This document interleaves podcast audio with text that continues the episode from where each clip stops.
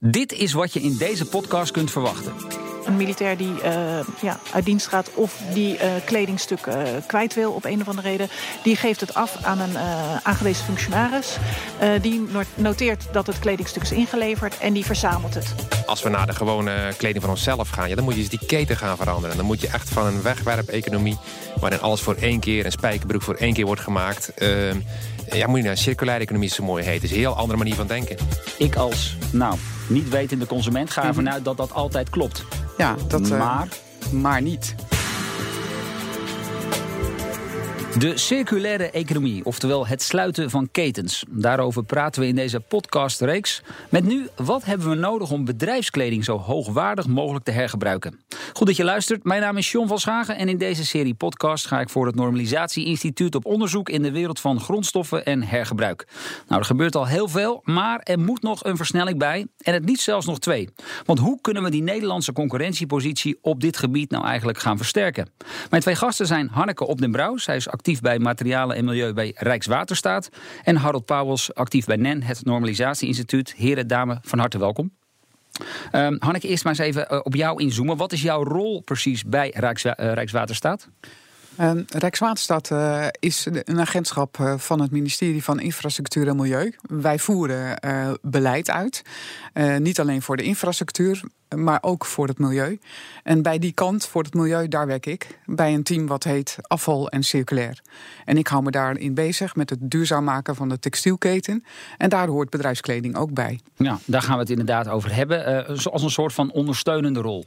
Uh, ja, faciliteren, mensen bij elkaar brengen, projecten verzinnen en uitvoeren. Uh, kennisoverdracht regelen, dat soort zaken. Nou, bedrijfskleding, de term is al gevallen, daar gaan we vandaag met elkaar over in gesprek.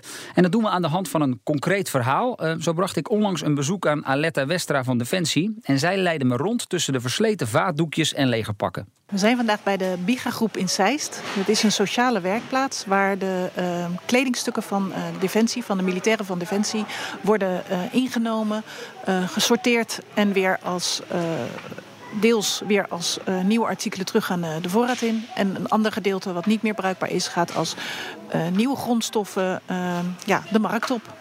En nou staan wij hier in een hal waar ik enorm veel houten bakken zie staan. met allemaal kleding erin. en die worden hier gesorteerd, hè? Ja, dat klopt. Die kleding komt vanaf de defensielocaties. Uh, daar wordt het ingezameld. Dus een militair die uh, ja, uit dienst gaat of die uh, kledingstuk kwijt wil op een of andere reden, die geeft het af aan een aangewezen functionaris. die noteert dat het kledingstuk is ingeleverd en die verzamelt het. Dus in deze bakken zit van alles, zit alles door elkaar. dat wordt eerst dus gesorteerd naar ja, artikelgroep. Uh, dus uh, de, de, de camouflagepakken komen bij elkaar uh, in Woodland. De pakken in donkerblauw komen bij elkaar. ondergoed komt in een bak. alles wordt naar soort gesorteerd. Um, en vervolgens wordt gekeken of het dus nog bruikbaar is. En dan gaat het terug naar de opmaak. En dan wordt het weer plastic verpakt en gaat het de voorraad weer in. is dat niet het geval, dan wordt het versneden... zodat het niet meer als geheel product op de markt kan komen. En dat heeft ook een veiligheidsaspect. Nou weet ik bij mezelf nog van vroeger, als wij gingen voetballen... en ik deed dat in mijn spijkerbroek, dan kwam daar wel eens een gat in... en dan naaide mijn moeder daar dan vervolgens weer een lap op.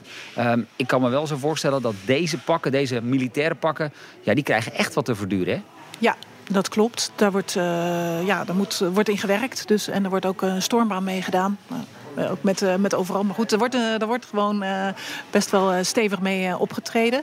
Dus inderdaad, kleding die versleten is, ja, die, die kan niet meer gebruikt worden. En die wordt dus ja, gerecycled. Dus die wordt in stukken gesneden.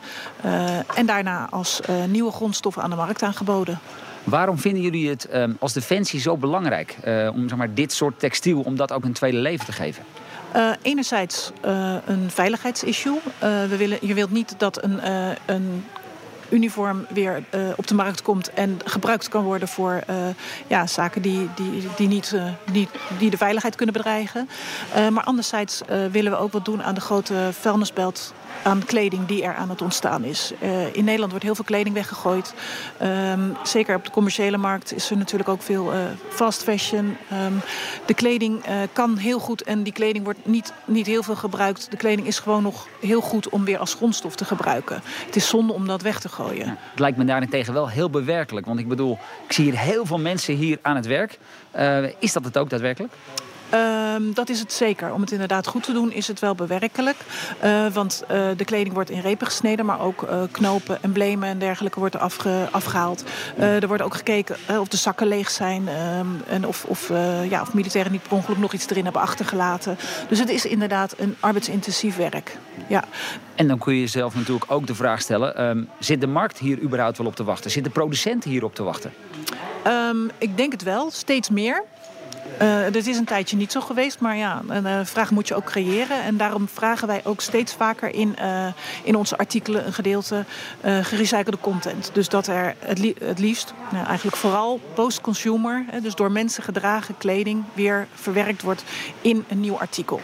Zo, hebben we, eh, zo heeft Defensie een jaar geleden uh, bijvoorbeeld handdoeken en overals uitgevraagd met gerecyclede content. En dat is, ja, dat is wel een succes geworden, want daar zijn uh, handdoeken geleverd waar, waar de, of er zijn handdoeken uitgekomen waar 34% gerecyclede content in zit. En daar is ook een, ja, een, een ja, nieuw consortium uit ontstaan van een korte keten met allerlei bedrijven die binnen Nederland, België met, met elkaar gingen samenwerken om dit te kunnen bereiken. Waar zitten voor jullie met name de uitdagingen? Want ik neem aan dat jullie dit eigenlijk nog, ja, het liefst nog veel groter willen maken dan het nu in feite al is. Ja, um, uitdagingen zitten erin dat, dat um, ja, de keten nog wat ondoorzichtig is. De keten is, is lang en heel veel vindt plaats in, uh, ja, toch in, uh, ver weg van Nederland en van Europa. Dus daar heb je geen zicht op dat uh, de gerecyclede content um, ook werkelijk gerecyclede content is. Um, dus we hebben behoefte aan een, een ja, normeringssysteem waarbij je, waarbij je ja, onomwonden kunt aantonen dat de, dat de materialen die gebruikt zijn ook werkelijk uit gedragen kleding komt. Um, en denk je dat met zo'n systeem dat ook de consumenten uiteindelijk de, de eindklant uh, ook meer, het meer genegen zal zijn om ja, dit soort hergebruikt textiel uh, te gaan aanschaffen? Um, misschien dat het voor de consument niet eens heel veel uitmaakt of die wel of niet met gerecyclede content uh, kleding heeft. Um, ik denk dat die consument erbij gebaat is dat het artikel uh, gewoon de sterkte, de kwaliteit heeft die hij altijd gewend is. En dan zal het voor een consument denk ik niet veel uitmaken of het nou nieuwe materialen, uh, virgin materialen zijn of gerecyclede materialen zijn. Merken jullie bij de producenten daarentegen ook nog wat koudwatervrees? Of uh, staat iedereen zeg maar, al op de deur te kloppen hier in Zeist van jongens, uh, kom maar door met die materialen? Um, dat komt wel steeds meer. De markt, de moet je ook echt wel stimuleren. Maar de koudwatervrees is er zeker ook nog. En koudwatervrees zie ik bijvoorbeeld vooral ook bij uh, spinnerijen. Spinnerijen, ja, die moeten het draad maken. En als zij te maken hebben met een kwaliteit die in hun ogen minder is dan wat ze gewend zijn, dan durven ze hun machines er niet mee te, te, te bespannen. Ten eerste. Ten tweede is het aanbod nog altijd ja, relatief laag. Dus ze zijn heel veel tijd kwijt om alles over te, uh, over te knopen en alles uh, leeg te maken. Een nieuwe serie te beginnen en dan weer uh, dat, dat af, te, af te ronden. Dus het is, ja, het is daarbij natuurlijk ook een stukje kip-ei verhaal. Zij wijzen naar van ja, wij krijgen onvoldoende aanvoer. En de andere kant zegt ja, maar jullie doen nog niet zo heel veel ermee. Het gebeurt steeds meer, steeds meer. Ook, ook uh, ja, binnen Europa, Spanje, Italië zijn echt landen die al behoorlijk, uh, behoorlijk wat doen daarin. Uh, maar ja, er is nog wel vrees dat de kwaliteit van het garen minder is. En dat hoeft niet zo te zijn, maar dat moet toch wel door ervaring moeten, moeten partijen erachter komen. Tot slot een hele Hollandse vraag. Wat zijn de kosten? Um, ja. Of heb je überhaupt te maken met extra kosten? Uh, ja, we hebben te maken met extra kosten door het sorteren en het werk hier bij de, bij de Biga-groep. Maar de materialen worden momenteel via domeinen aangeboden. En ja, dat levert ook wat op. Dus ik, kan, ja, ik denk dat het steeds meer wordt dat het wat oplevert dan dat het wat kost. In het begin kost het natuurlijk wat. Want je moet, je moet toch een, een, ja, vliegwiel aanzetten. En daarom ja, kan de overheid dat misschien uh, daarbij, daarin dus een stimulerende rol vervullen. En dat zei Alette Westra. Zij is afkomstig van Defensie.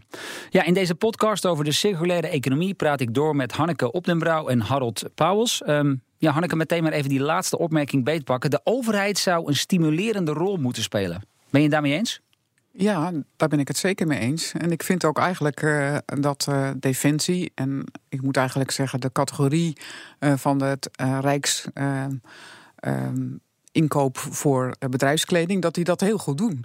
Uh, je moet je voorstellen dat de overheid natuurlijk heel veel artikelen koopt. En ze kan daarin, uh, door zelf te kiezen voor duurzame producten of circulaire producten, een belangrijke rol vervullen in de markt. Maar zouden ze dan bijvoorbeeld ook die volgende stap moeten maken en te zeggen tegen andere afnemers van mensen, jullie moeten gewoon zoveel procent minimaal circulair inkopen?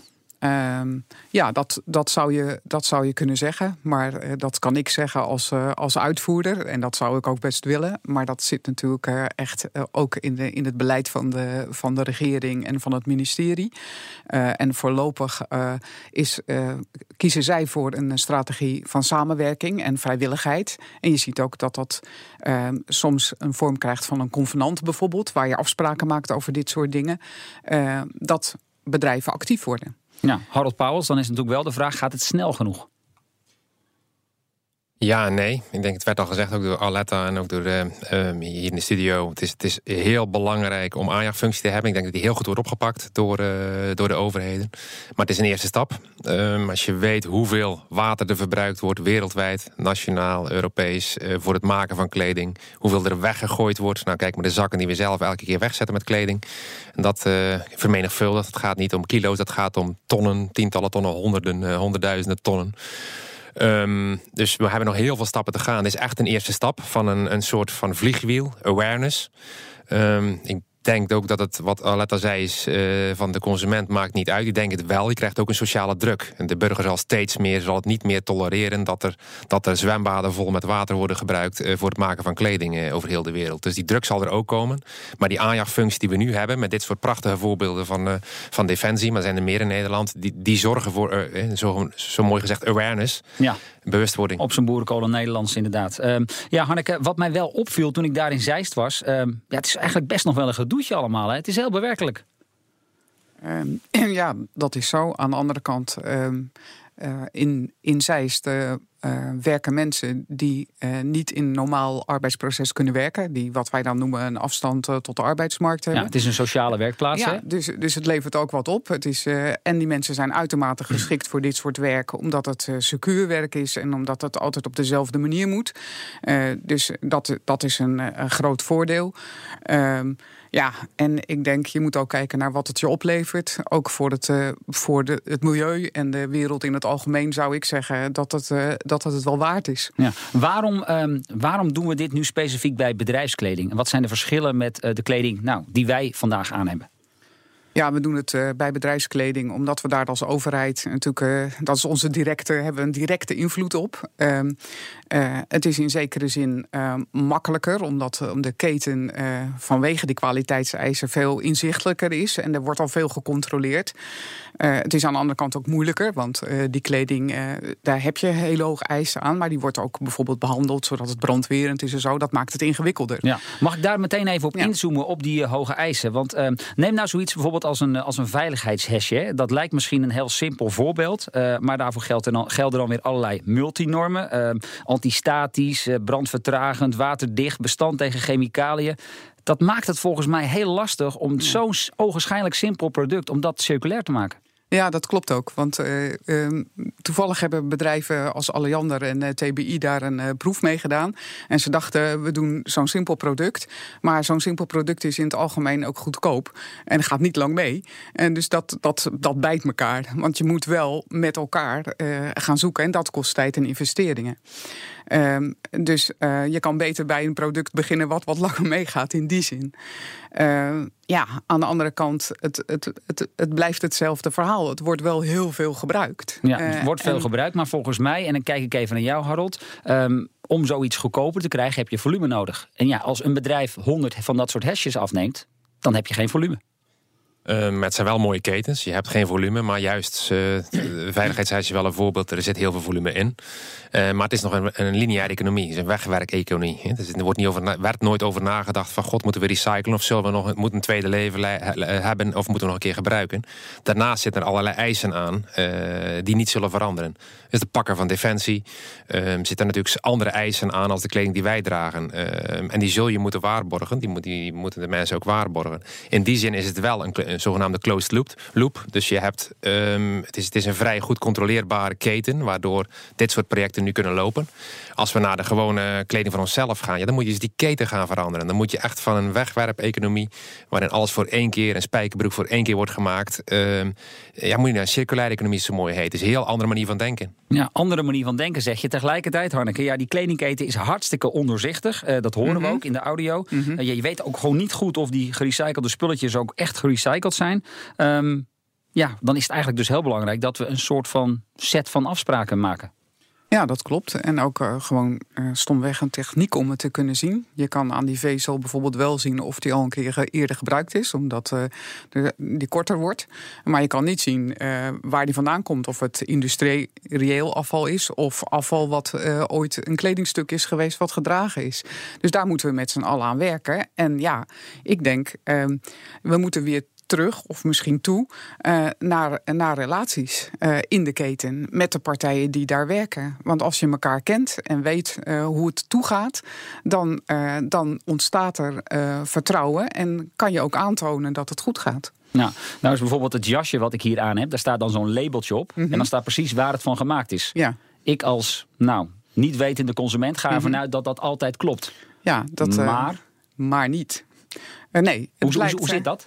Ja, het blijkt dat in die lange keten met al die verschillende partijen uh, er wel dingen misgaan of anders gaan dan verwacht. En dan komt toch dat labeltje erin wat er ooit besteld was. En als je dan een, een test doet, dan blijkt dat de verhoudingen anders zijn bijvoorbeeld. Voor zover ik weet is het niet vaak zo dat er echt hele andere materialen worden gebruikt, maar de verhoudingen zijn gewoon anders. En als je graag circulair wil worden en je wil dus die spullen opnieuw gebruiken, dan is het wel handig om te weten wat je in handen hebt en dat je daar niet eh, ongelooflijke testen voor moet doen. Dus op een of andere manier moeten we daar met z'n allen ook aan werken. Dat op die label staat wat erin zit. Ja, Harold Pauwels, dat lijkt me een uh, mooie opdracht voor jullie. Absoluut. Dus dat is ons werk. Dus zorgen dat we met de belanghebbenden, met de bedrijven, met de keten samen afspraken maken over de kwaliteit. Over een andere manier van leveren aan elkaar. Over een andere manier van uh, kleding maken.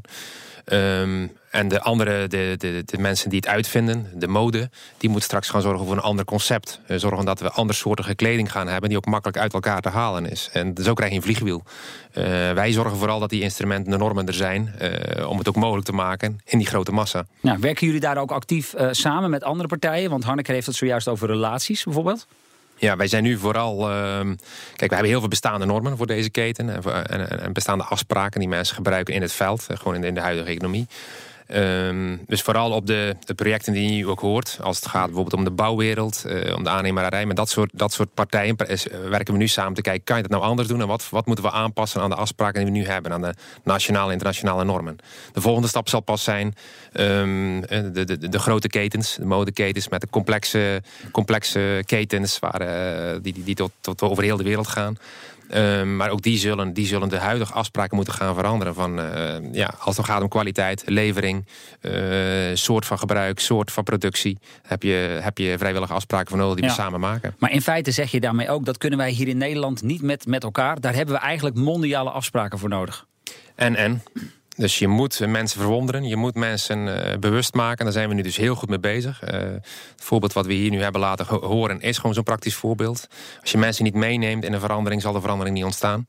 Uh, maar uiteindelijk moeten we, en gelukkig is niet alleen Nederland bezig, want ook in Scandinavië, een aantal westerse landen zijn heel erg goed bezig. Um, om dit vliegwiel te versnellen.